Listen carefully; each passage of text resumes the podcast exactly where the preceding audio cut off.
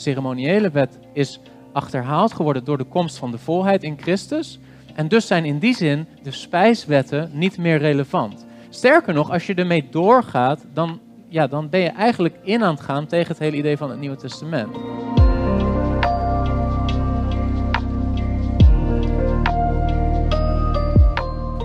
In het Oude Testament heeft God aan de Israëlieten geboden om zich te onthouden van het eten van verscheidene dieren.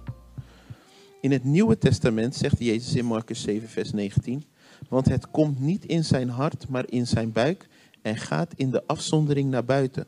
Zo wordt al het voedsel gereinigd. En de vraag is: waarom verklaarde God in het Oude Testament dat wij, de Israëlieten, geen onreine dieren mochten eten en verklaart Jezus hier dat alles wat wij eten gereinigd wordt. Deze kwestie is verwarrend, zeker voor de fariseeërs die zich aan al de spijswetten hielden. Ja. Nou goed, ehm, kijk, het begint al een beetje met de verkeerde aanname, hè? want er staat er van, uh, waarom gebood God ons dat ons in het Oude Testament? Het probleem is dat de meeste van ons niet in het Oude Testament leefden en ook niet onderdeel waren van het Joodse volk. En dat zijn geboden die gegeven zijn expliciet en eigenlijk exclusief aan het volk Israël. Eh, wanneer je de wet bestudeert in het Oude Testament, dan is het ingewikkelde daaraan dat er eigenlijk drie categorieën van wetgeving zijn. De eerste is gewoon een onveranderlijke morele wet. En dat wil zeggen, bepaalde geboden in het Oude Testament zijn gewoon weerspiegelingen van hoe God denkt over onderwerpen. En God verandert daarin niet, in zijn perspectief dus bepaalde kaders rondom seksualiteit bijvoorbeeld, maar ook dingen als eer uw vader en uw moeder. dat, dat zijn dingen die onveranderd zijn. Die ook in het Nieuwe Testament herbevestigd worden in het onderwijs van de Heer Jezus en ook in de brief van Paulus aan heidengemeenten, of gemeenten van uh, christenen bestaande uit heidenen, soms ook uh, joden. Maar dat, dat zijn geboden die een weerspiegeling zijn van Gods moraliteit. die heb je in de wet. Maar je hebt ook wetten die een civiel-juridisch kader hadden. Dat wil zeggen, het volk Israël was een, stad, was een land, hè? het was een natie, het was een volk. En bepaalde wetgeving is gegeven aan het volk Israël als volk om hun civiel-rechtelijk kader te vormen. Net als dat we dat ook in Nederland hebben, een civiel-rechtelijk kader. Nou, omdat wij als gemeente niet een land zijn, zijn die kaders niet altijd op dezelfde manier van toepassing. Hè. Er wordt wel veel over nagedacht van hoe zou je als land, zeker als je een christelijk land bent en je hebt een christelijke meerderheid in een land, hoe zou je dan de wetgeving moeten organiseren en welke rol heeft de oud-testamentische uh, Israëlische wet daarin? Nou, dat is een interessante vraag. Maar er is ook een derde categorie van geboden en dat is ceremonieel.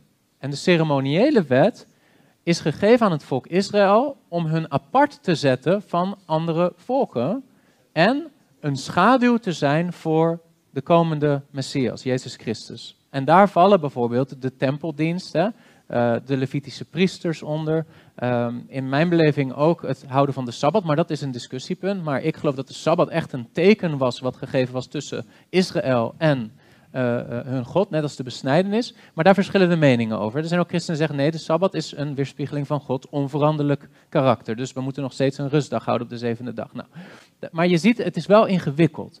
De spijswetten zijn eigenlijk zonder discussie onderdeel van de ceremoniële wet. Dat wil zeggen, de spijswetten zijn gegeven aan het volk Israël, niet omdat er intrinsieke problemen zijn met het eten van schaaldieren of met varkens, maar om hen apart te zetten van de andere volken om hen heen. In het Nieuwe Testament verbreekt God die scheidingsmuur tussen Israël en de heidenen. En vervalt met de vervulling van Jezus' evangelie, het evangelie van onze Heer Jezus Christus, vervalt eigenlijk de hele schaduwkant van het Oude Testament. De tempeldienst stopt. De vernietiging van Jeruzalem treedt op in 70 jaar na Christus. Er, is geen, worden geen offers meer gebracht. Er is geen hoge priester meer. Dus heel die ceremoniële kant van de oud-testamentische wet, die laat God instorten. Waarom? Omdat de scheidingsmuur in Christus Jezus tussen Jood en Griek is verbroken. Het evangelie gaat de hele wereld nu over. De spijswetten waren eigenlijk een soort symbool van de scheiding en zijn daarmee ook weggevallen.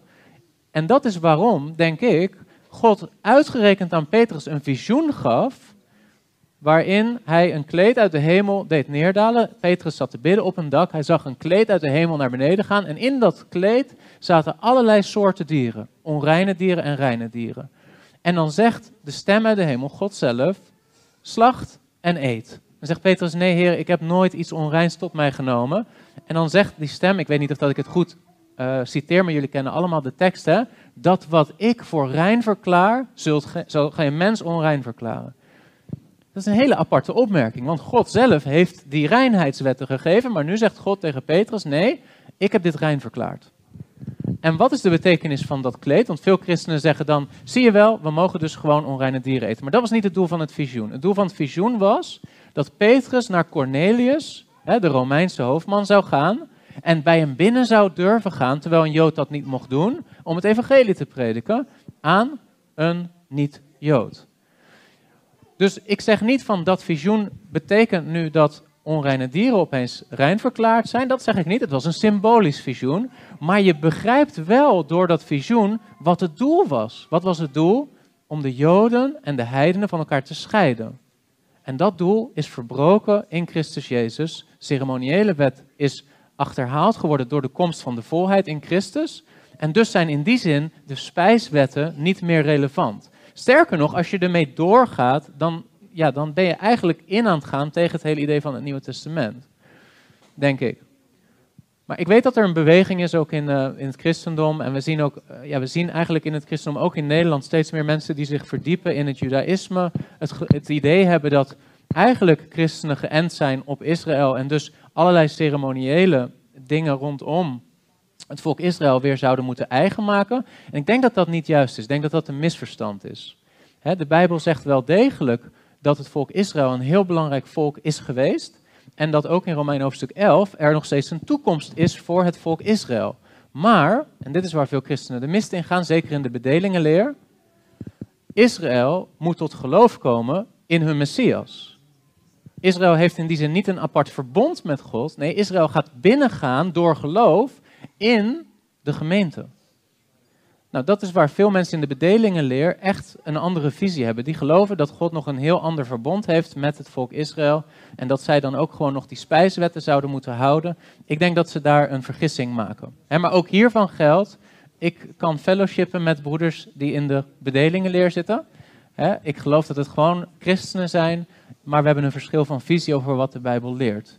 maar ik zie heel veel, uh, ik, ik, wil me daar niet te negatief over uitlaten. Er zijn heel veel gepassioneerde evangelische broeders en zusters die echt geloven in de bedelingenleer, um, die ook echt evangeliseren. En ik zeg, nou, fijn dat die er zijn en dat die het evangelie verkondigen. Ga daarmee door. Alleen ik denk dat hun perspectief op hoe God uiteindelijk zijn volk Israël wil bereiken, verkeerd is. En ook ondermijnend is voor eigenlijk wat wij zouden moeten doen. Want wat zouden wij moeten prediken aan Israël? Jezus Christus, het evangelie. We moeten niet naar hen toe gaan en zeggen, nou ja, het komt wel goed met jullie, want God heeft nog een apart verbond met jullie. Nee, dat is niet wat Paulus deed en dat is ook niet wat wij zouden moeten doen. Wij moeten hun het evangelie van Jezus Christus prediken en zeggen, roem niet op jullie vleeselijke afkomst, maar ga tot Jezus Christus. En dat is waar ik denk dat de bedelingenleer eigenlijk meer een obstakel vormt voor het tot geloof komen van het volk Israël, dan een zegen. Was deze video nuttig voor jou? Druk dan op like en wil je vaker dit soort apologetische video's zien? Abonneer dan op dit kanaal. Tot de volgende keer.